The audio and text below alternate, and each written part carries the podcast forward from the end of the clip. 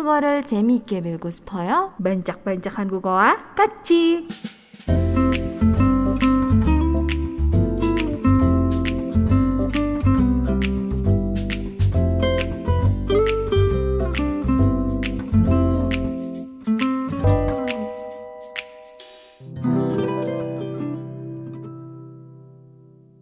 Oke, okay, um, um, um, um, um, um, di segmen ini kita bakalan belajar Mhm. Kali ini akan dipandu oleh Grace. Deh. Oke, teman-teman yuk kita belajar yuk. Oke. Siap-siap tersesat ya. Iya, jadi hari ini khusus pembelajaran tersesat karena eh, tak 1 April gitu. Enggak lah, tetap Di, lah. dicarinya yang ini, yang salahnya di mana gitu. Bukan denger sal, benernya di mana tapi salahnya, Salahnya di mana gitu. Oke, hari ini bakalan belajar sama Junsi seperti biasa. Aku sih nonton. Oh gitu. Ya hari ini tuh masih lanjutin eh, materi yang eh, Jumat lalu ya. Kalau di Jumat lalu itu kita belajar eh, membedah nama orang Korea ya asalnya seperti apa, kenapa dia ada tiga suku kata gitu.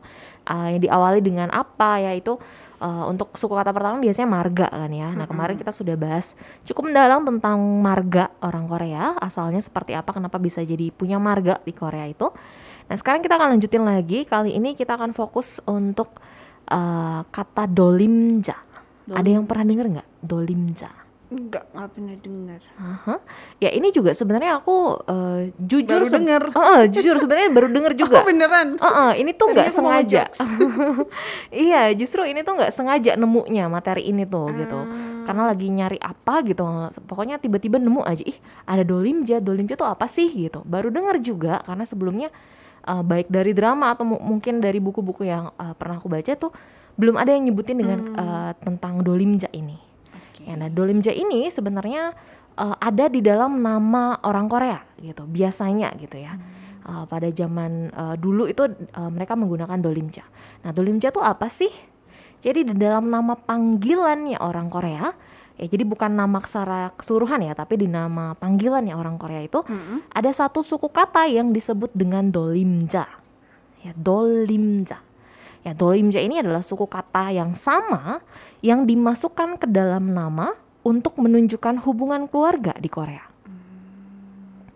Di mana waktu masa lampau dolimja ini harus dipakai untuk semua nama panggilan saudara-saudari dari satu keluarga. Gitu harus semuanya tuh nggak cuma marga aja yang diikutin tapi dolimjanya itu juga harus dipakai gitu. Ya misalnya nih kalau nama keluarganya misalnya Kim ya. Terus dolimjanya adalah Mi. Nah, jadi nama anak-anak yang harus dipakai itu atau dipilih itu namanya akan menjadi misalkan Kim Misuk, terus Kim Mija, Kim Mikyong, ya Kim Michol dan lain sebagainya gitu. Makanya banyak kan ya eh, nama-nama saudara eh, di Korea gitu ya, misalkan mirip-mirip, cuman beda satu suku kata doang gitu. Hmm, hmm.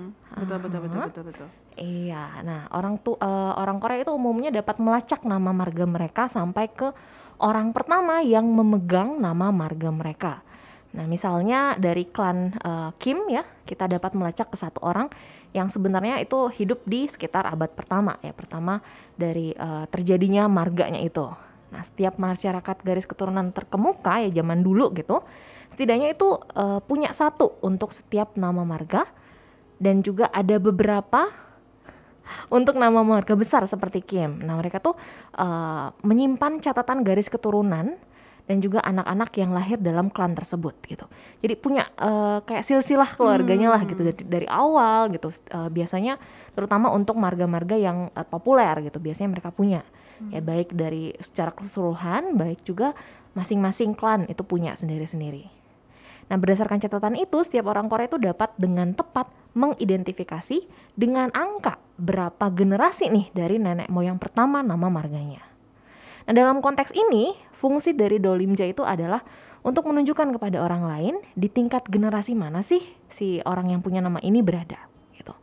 Nah, suku kata ini eh, dibagikan tidak hanya antara saudara kandung aja, tetapi juga dibagikan di antara semua orang yang berada di tingkat generasi yang sama. Mungkin tradisi ini tuh eh, agak melemah ya kalau di zaman sekarang di zaman modern, tapi masih cukup kuat dan masih ada yang menggunakannya. Ya, kalau zaman dulu dolimja ini hanya akan mencakup ahli waris laki-laki aja biasanya. Yang pakai dolimja ini uh, laki-laki aja gitu. Tapi kalau sekarang udah biasa kalau misalkan anak perempuan juga ikut mengambil dolimja juga. Misalnya nih ada pasangan aktor aktris uh, kakak adik paling terkenal dalam sejarah uh, dunia artis Korea yaitu ada Choi Jin Sil dan juga Choi Jin Yong. Mereka berbagi dolimja yang sama yaitu dolimja Jin ya. Jin Sil, Jin Yong, ada jinnya dua-duanya. Nah, ini uh, di mana kata Jin sendiri artinya adalah kebenaran gitu. Ada yang uh, pernah dengar mungkin atau tahu Choi Jin Sil, Choi Jin Yong? Ini tuh legenda banget uh, dari aktris dan aktor Korea dan kisah mereka tuh tragis sebenarnya adik kakak yang tragis iya dan ini uh, ya terkenal banget gitu di sana ya cuman ya akhir berakhir tragis karena keduanya berakhir kalau nggak salah bunuh diri gitu dua-duanya iya mm-hmm. dan ini kakak adik gitu dua-duanya dua-duanya waktunya sama enggak enggak enggak barengan gitu. Pokoknya kalau ada yang penasaran boleh di, dicari ya. Ini tuh kakak beradik yang bener-bener legenda banget lah di antara artis-artis Korea gitu. Namanya mirip dan sukses juga dulu padahal sebenarnya tapi ya akhirnya seperti itu. Sampai ke manajernya pun juga ikutan bunuh diri. Ya pokoknya gitu deh. Oke. Okay. Aku jadi penasaran. penasaran ya. Nanti cari ya Choi Jin Sil dan Choi Jin Yong ini Nah, Dolimja ini unik sesuai dengan klannya ya. Jadi sehingga setiap marga itu memiliki sederet Dolimja yang akan digunakan untuk semua anak-anaknya. Nah, siapa sih orang-orang yang memilih uh, suku katanya yang menjadi Dolimja dari suatu keluarga? Nah, biasanya ada tuh yang disebut dengan masyarakat atau semacam perkumpulan atau lembaga perhimpunan lah istilahnya mm-hmm. ya. Uh, apa masyarakat garis keturunan atau perkumpulan garis keturunan. Jadi semacam lembaga khusus untuk menangani garis keturunan. Jadi mereka yang memutuskan. Kemudian setelah diputuskan, uh, mereka menyampaikan surat-surat itu atau uh, huruf-huruf uh, dolimja tadi kepada keluarga besar Eh, masing-masing uh, dan juga uh, ada buku ya buku silsilahnya sekaligus langsung. Di mana buku silsilah keluarganya itu disebut dengan jokpo. Hmm. ya jokpo. Itu sebutan untuk buku silsilah gitu dari suatu klan uh, di Korea Nah, bagaimana suku kata tertentu dipilih menjadi dolimja? Ini juga nggak sembarangan yang milih, oh mau pakainya ja aja deh, atau mau pilihnya ji aja gitu, atau ma atau mi gitu. Enggak, nggak sembarangan ya ada metodologinya bisa dibilang, ada metode hmm. tersendiri yang dipakai untuk memilihnya. Di mana metodologinya yang paling dominan atau yang paling sering dipakai itu disebut dengan metode lima elemen. Hmm. Ya, di mana lima elemen itu disebut dengan oheng. Ya, oheng. Nah, metode lima elemen ini mengambil dari filosofi uh, tradisional Tiongkok. Hmm ya di mana uh, berdasarkan kalau dunia itu kan terdiri dari lima elemen yaitu ada kayu, api, tanah, logam dan air. Nah setiap elemen itu tidak hanya mewakili materi dunia aja, ya tetapi juga uh, mewakili semangat atau apa ya istilahnya uh, energi esensial dalam setiap elemen. Jadi misalkan untuk kayu gitu ya, kayu itu bukan cuma sekedar kayu gitu aja, tapi juga melambangkan atau menyimbolkan uh, kelincahan dan kekuatan di dalam pohon. Dan setiap elemen itu memelihara dan melemahkan elemen lainnya. Kayak di Avatar gitu ya. ya kan? Ada air, ada api gitu kan. Itu juga punya kelebihan dan kekurangan sendiri. Bisa saling membantu, bisa saling uh, mematikan satu sama lain gitu kan. Bisa melemahkan elemen yang lainnya. Nah, seperti misalkan kayu membantu api kan biar api jadi lebih besar gitu. Tapi juga kayu itu uh, menyedot dari tanah gitu kan, menyedot energi dari tanah untuk bisa tumbuh kayu itu. Nah, terus juga ada logam itu membantu air ya. Uh, tetapi uh, bisa untuk menebang kayu juga logam itu gitu. Jadi saling uh, melemahkan satu sama lain juga membantu atau memelihara satu sama lain juga. Nah, ini ada urutan kegunaannya nih ya, ke urutan kegunaan dari masing-masing uh, elemen tadi. Di mana biasanya urutannya adalah uh, kayu membantu api, di mana api membantu bumi. Lalu bumi membantu logam dan logam membantu air dan air membantu kayu dan nanti akan balik lagi siklusnya hmm. seperti itu. Nah, jadi balik lagi ke dolimja tadi. Nah, si dolimjanya ini dipilih dengan memilih karakter dengan makna baik yang mengandung unsur tertentu di dalamnya. Dengan melalui urutan ini, nama ayah itu akan menambah nama anak. Ya karena karakter unsur nama ayah itu haruslah karakter yang membantu karakter unsur dari nama anaknya gitu. Misalnya nih ya, uh, ada urutan Dolimja dari klan Guangsan Kim, uh, subklannya Mun Jonggong, generasi ke-46 sampai ke-50. Ya. Yang pertama dari generasi ke-46 ini Dolimja digunakan adalah Yong. Di mana Yong di sini melambangkan uh, bell. Ya.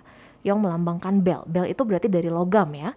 Terus uh, anaknya generasi berikutnya itu uh, uh, biasanya pakai goli, uh, dolimjanya yang dipakai adalah yon, di mana yon ini artinya adalah danau yang melambangkan air. Lalu setelahnya generasi berikutnya adalah sik sebagai uh, dolimjanya, di mana sik itu artinya adalah menanam, melambangkan tanah. Lalu generasi berikutnya itu menggunakan dolimja hyong, di mana hyongnya di sini artinya cerah, ya. Uh, dan generasi ke-50 menggunakan dolimja gon, di mana gonnya artinya adalah bumi. Hmm. Ya. Nah, ini tuh dari 46 sampai 50 itu semua ada urutannya, di mana urutan ini dimulai dari logam ya, benda yang mewakili logam dan diakhiri oleh bumi tadi yang mewakili bumi gitu. Nah, ini jadi urutannya seperti itu. Jadi satu generasi dolimjanya sama nih harus dari misalnya logam dulu. Nah setelahnya dipilihlah danau karena logam dianggap membantu air gitu, logam membantu air.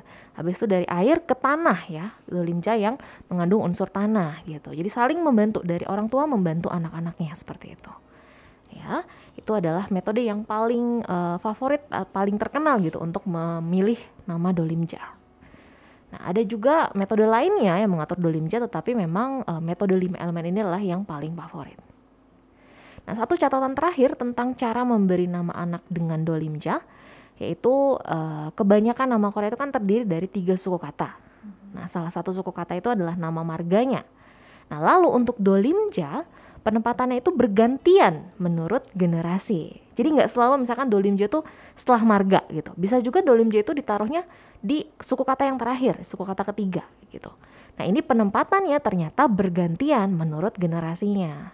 Nah, dalam contoh yang tadi ya di klan Guangsan Kim tadi, setiap anak laki-laki yang merupakan generasi ke, uh, ke-46 dari klan tersebut akan diberi nama seperti misalkan uh, diawali dengan uh, uh, si dolimjanya yaitu Ji ya.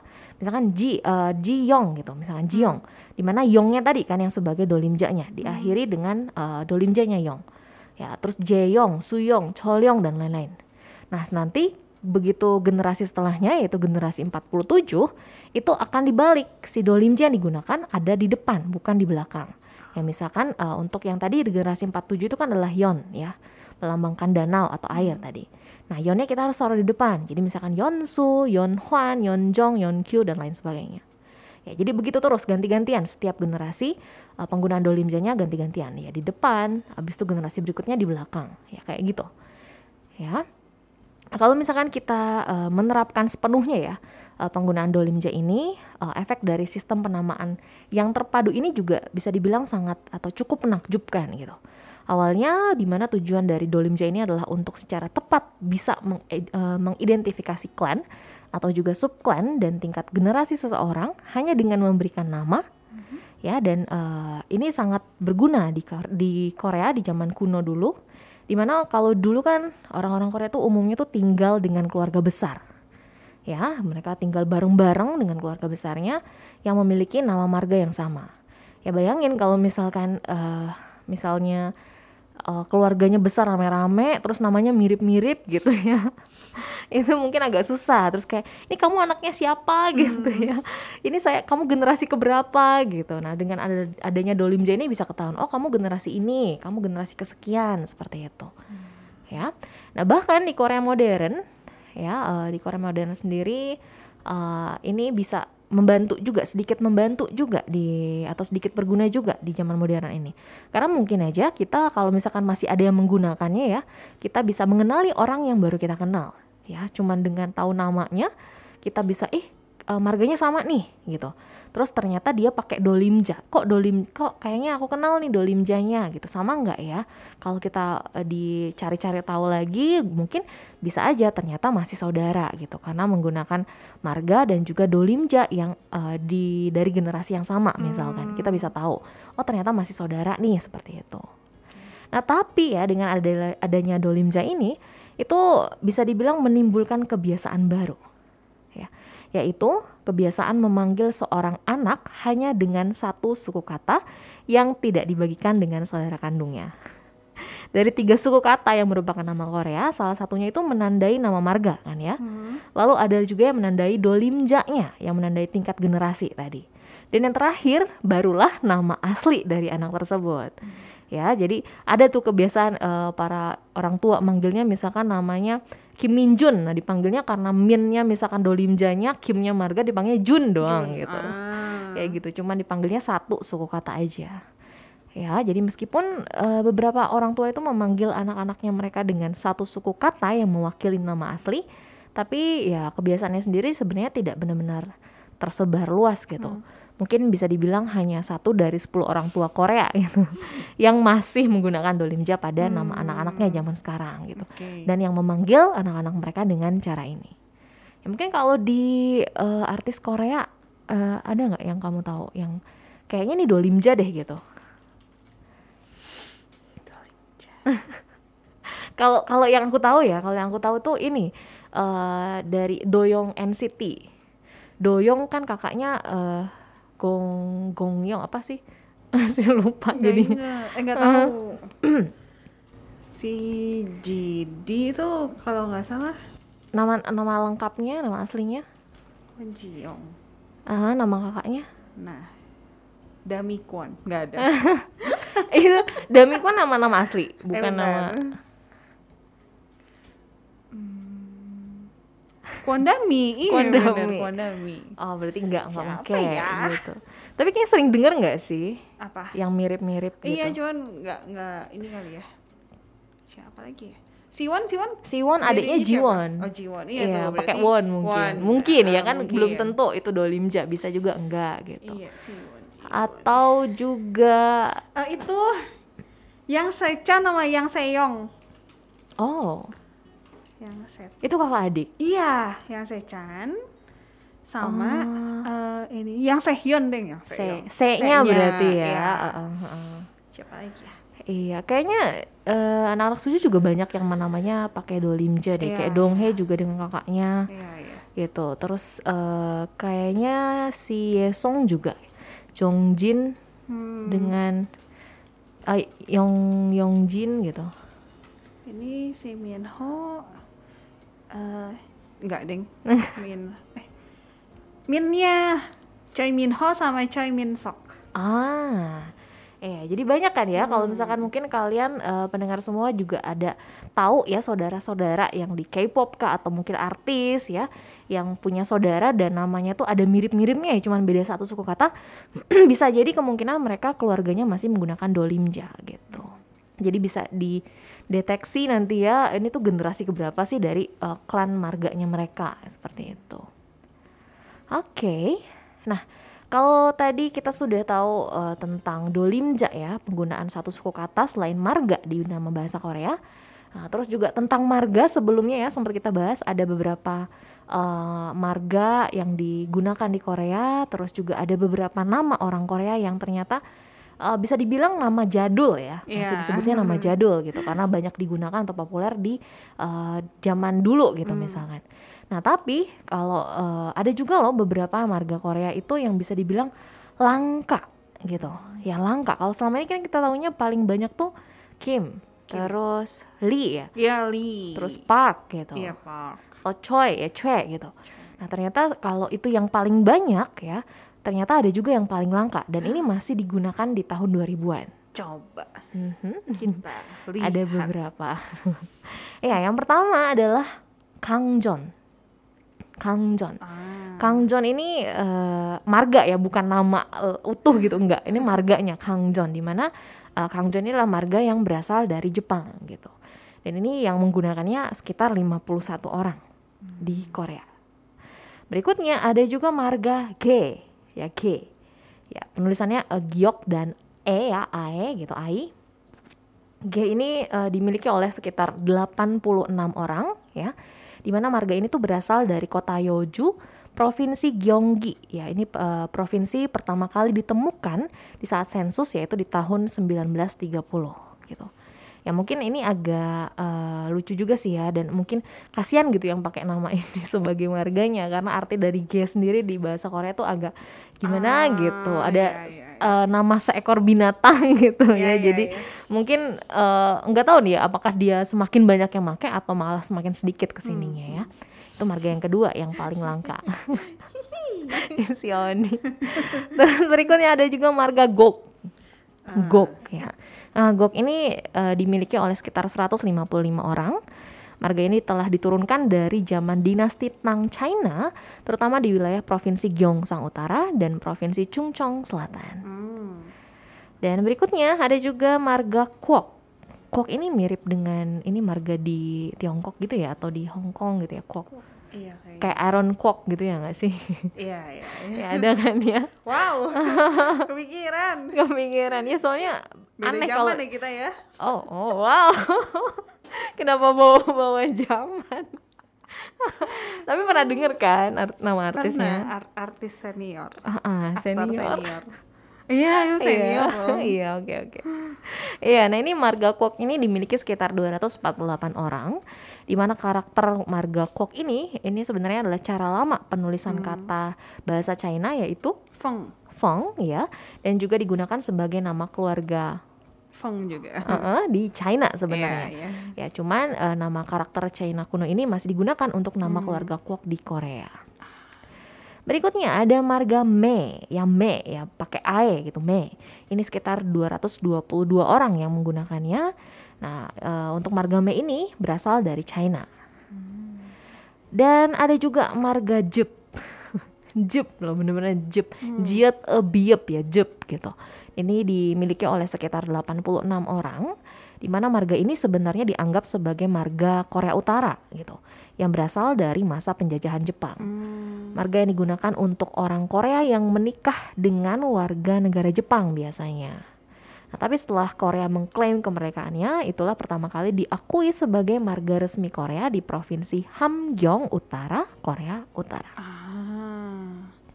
Masih ada lagi warga lainnya yang langka yaitu marga Sam. Sam sendiri kan artinya tiga ya. Sam- Oh iya benar sama. Heeh, artinya tiga gitu. Nah ini dimiliki sekitar 49 orang dan marga ini berasal dari provinsi Gyeongsang Selatan dan pertama kali ditemukan di sensus pada tahun 1960. Hmm. Terus juga ada marga Sobong. ini jadi mengingatkan Dobong Sun gitu enggak ya? Sobong ini ya. Dimiliki oleh sekitar 18 orang. Lalu ada juga Ogem, ya Ogem dimiliki oleh sekitar 51 orang. Berikutnya ada marga Jo. Ya Jo ini sama persis dengan uh, kata Jo yang artinya saya ya Jo pakai O-nya O berdiri juga Jo. Ya ini uh, dimiliki oleh sekitar 48 orang. Ya, ini beda dengan Jo yang kayak Jo Kyu Hyun, Jo In Song Iya, atau beda. Jo Jo Jong Suk beda ya. Ini O-nya O berdiri. Kalau yang itu kan uh, O-nya O tidur ya. Terus juga ada marga hak. Mereka punya hak untuk memilih marganya ini. Ya, marga hak ini dimiliki oleh sekitar 101 orang di mana asal usul keempat marga sebelumnya itu uh, termasuk marga ini tuh tidak pasti ya. Hmm. Uh, makanya tadi tidak ada penjelasan lebih lanjut ya ada marga Jo, ada marga Sam tadi tidak ada penjelasan lebih lanjut termasuk marga hak ini tetapi diduga berasal dari China. Nah, ada juga yang lucu marganya itu marga Ya. Hmm. Ya doang ya. Uh, marga Ya ini dimiliki oleh 180 orang berasal dari provinsi Gyeonggi dan kota Gaesong di Korea Utara. Marga ini dianggap sebagai keturunan pejabat bintang tiga dari dinasti Goryeo. Nah, di mana kalau ya sendiri di bahasa Korea itu mirip kayak eh gitu ya, Hmm. eh gitu ya. Yang tapi eh, agak kurang sopan sebenarnya ya nggak sih, manggil orang ya gitu kan Iya. biasanya. Ditegaskan sekali lagi ya itu nggak sopan. Mm, ya jadi jangan sembarangan ya di Korea manggil ya gitu. Ya beda dengan di Indonesia bilang ya ya artinya iya gitu kan. Oke, terus juga ada marga Janggok. Oh. Janggok ini juga dua suku kata marganya. Eh, diduga marganya ini berasal dari Jepang, dimiliki oleh sekitar 52 orang. Berikutnya ada marga Chun yang dimiliki oleh sekitar 77 orang, di mana kata Chun sendiri memiliki arti musim semi dan sepertinya lebih umum digunakan di Jepang. Ya, namun sebenarnya berasal dari kota Namyang di provinsi Gyeonggi. Nah, marga yang terakhir ini marga ya, bukan nama panggilan, yaitu marga Tan ya, bukan Kim Tan, beda. Kalau Kim Tan, Tannya itu namanya. Kimnya ya marga. Marganya Kim. Kalau ini marganya Tan ya. Kim Tan. Ya, Tan ini dimiliki sekitar 155 orang, di mana marganya ini berasal dari kota Heju, provinsi Hwanghae, Korea Utara, dan provinsi Gyeongsang Selatan, Korea Selatan. Pertama kali ditemukan pada tahun 1930. Ah. Oke, itu ya. Jadi beberapa eh, nama marga yang bisa dibilang paling langka di Korea. Iya. Gitu. Oke, masih ada waktu ini? Masih, silakan. lanjut lagi ya. Oke, nah berikutnya ada beberapa tren nama orang Korea yang banyak digunakan nah, di akhir-akhir ini ya. Mhm. Di mana kalau untuk akhir-akhir ini tuh semakin banyak orang Korea yang memilih nama berdasarkan dari kata Hangulnya. Ya, jadi bukan dari arti eh, versi Hanjanya enggak, tapi kebanyakan udah langsung arti dari kata Hangulnya sendiri. Misalkan ada nama seperti Hanel ya, di mana Ha. Hanel artinya langit, terus juga ada Isel, ya Isel yang artinya embun, terus juga ada Ojin, ya di mana Ojin itu artinya lah murah hati dan bijaksana. Ya, jadi nama-nama yang seperti tadi itu menjadi nama-nama yang cukup umum karena memiliki makna yang bagus. Nah, selain itu ada kecen- kecenderungan lain dalam pemilihan nama orang Korea di zaman sekarang, yaitu adalah penggunaan nama gaya barat. Dengan kemajuan pesat globalisasi dan peningkatan interaksi dengan orang asing, semakin banyak orang tua memilih nama gaya seperti eh, nama berbahasa Inggris ya. Misalkan nama Jane ya, dari mirip kan pelafalan dengan eh, nama bahasa Inggris ya Jane gitu. Jane tulisannya. Terus juga ada nama Eugene ya walaupun kalau kita lihat ini kayaknya eh, Korea banget Eugene, tapi sebenarnya Eugene itu diambil dari pelafalan nama bahasa Inggris ya Eugene gitu. E U G E N E gitu kan dibacanya juga Eugene gitu. Ya, ini juga eh, nama yang mudah diucapkan tetapi masih memiliki arti yang baik ketika ditulis dalam huruf China. Nah, selain itu, nama orang Korea yang asli itu kan eh, bisa dibilang agak sulit diingat dan diucapkan oleh orang di luar Korea, apalagi untuk orang-orang dari negara barat ya, misalkan orang Amerika. Karena tiga kata dari nama orang Korea itu kebanyakan huruf konsonan. Iya, jadi kalau di orang barat kan emang banyaknya huruf vokalnya kan ya. Untuk nyebutin satu suku kata aja tuh kayaknya ada berapa huruf vokal gitu. Kalau di Korea beda justru kan, kebanyakan huruf konsonan. Nah, makanya orang Korea itu biasanya punya dua nama nih. Yang satu namanya nama Korea yang tercantum di kartu identitas atau juga di kartu keluarga gitu. Dan satu lagi biasanya mereka punya nama barat atau nama Amerikanya. Nah, tapi biasanya nama Amerikanya sendiri itu eh, kebanyakan didapatkan dari kenalannya. Jadi bukan dari orang tua yang ngasih, tapi kebanyakan dapat dari kenalannya. Nah, atau juga ya walaupun ada sih yang ngasih ya, dari orang tuanya sudah ngasih kamu nama eh, baratnya ini gitu. Tapi kebanyakan dari kenalannya gitu. Jadi dari misalkan dari guru gitu ya, dari guru ketemu gitu. Kayaknya nama kamu susah disebutin. Ya udah kamu nama pakai nama barat aja ya, namanya ini gitu. Kebanyakan seperti itu justru. Nah, karena hal itulah ya zaman sekarang itu banyak nama-nama orang Korea yang sejak lahir sudah dipilih yang agak ke barat-baratan gitu. Contohnya untuk di nama artis Korea misalkan ada Bae Suji, ya di mana Suji itu dari Suzy gitu kan. Terus juga ada Jennie Blackpink, nama aslinya adalah Kim Jennie. Iya. Terus juga ada Jeno NCT Dream dengan nama aslinya Lee Jeno. Lalu ada juga Kang Daniel. Ya, Kang Daniel ini walaupun mungkin nama aslinya, nama lahirnya itu adalah Kang Eugon. Ya, Kang Eugon, cuman Eugon itu susah kan untuk diucapkan gitu. Akhirnya dia memilih nama Kang Daniel ya sebagai nama asli dia, diubah gitu. Terus juga ada eh, Ruda ya, Ruda Cosmic Girls atau Uju Sonyo ya WJSN gitu. Itu juga nama eh, I Ruda nama aslinya. Ya jadi seperti itu ya trennya pun mengikuti zaman juga ya sama di kita ya. Di kita juga kan makin ke sini nama anak-anak makin tuh susah. makin susah. Makin susah, ya. Tulisannya susah, bacanya pun susah. Mulai banyak yang keberat-baratan gitu. Iya. Ya, itulah tadi eh, tentang nama-nama Korea ya secara lengkapnya mulai dari marga, terus juga suku kata dolimja ataupun juga nama-nama yang eh, makin ke barat-baratan.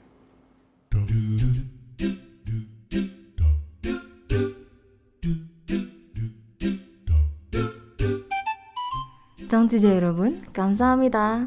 반짝반짝 한국어는 여기까지입니다. 야! 아이고.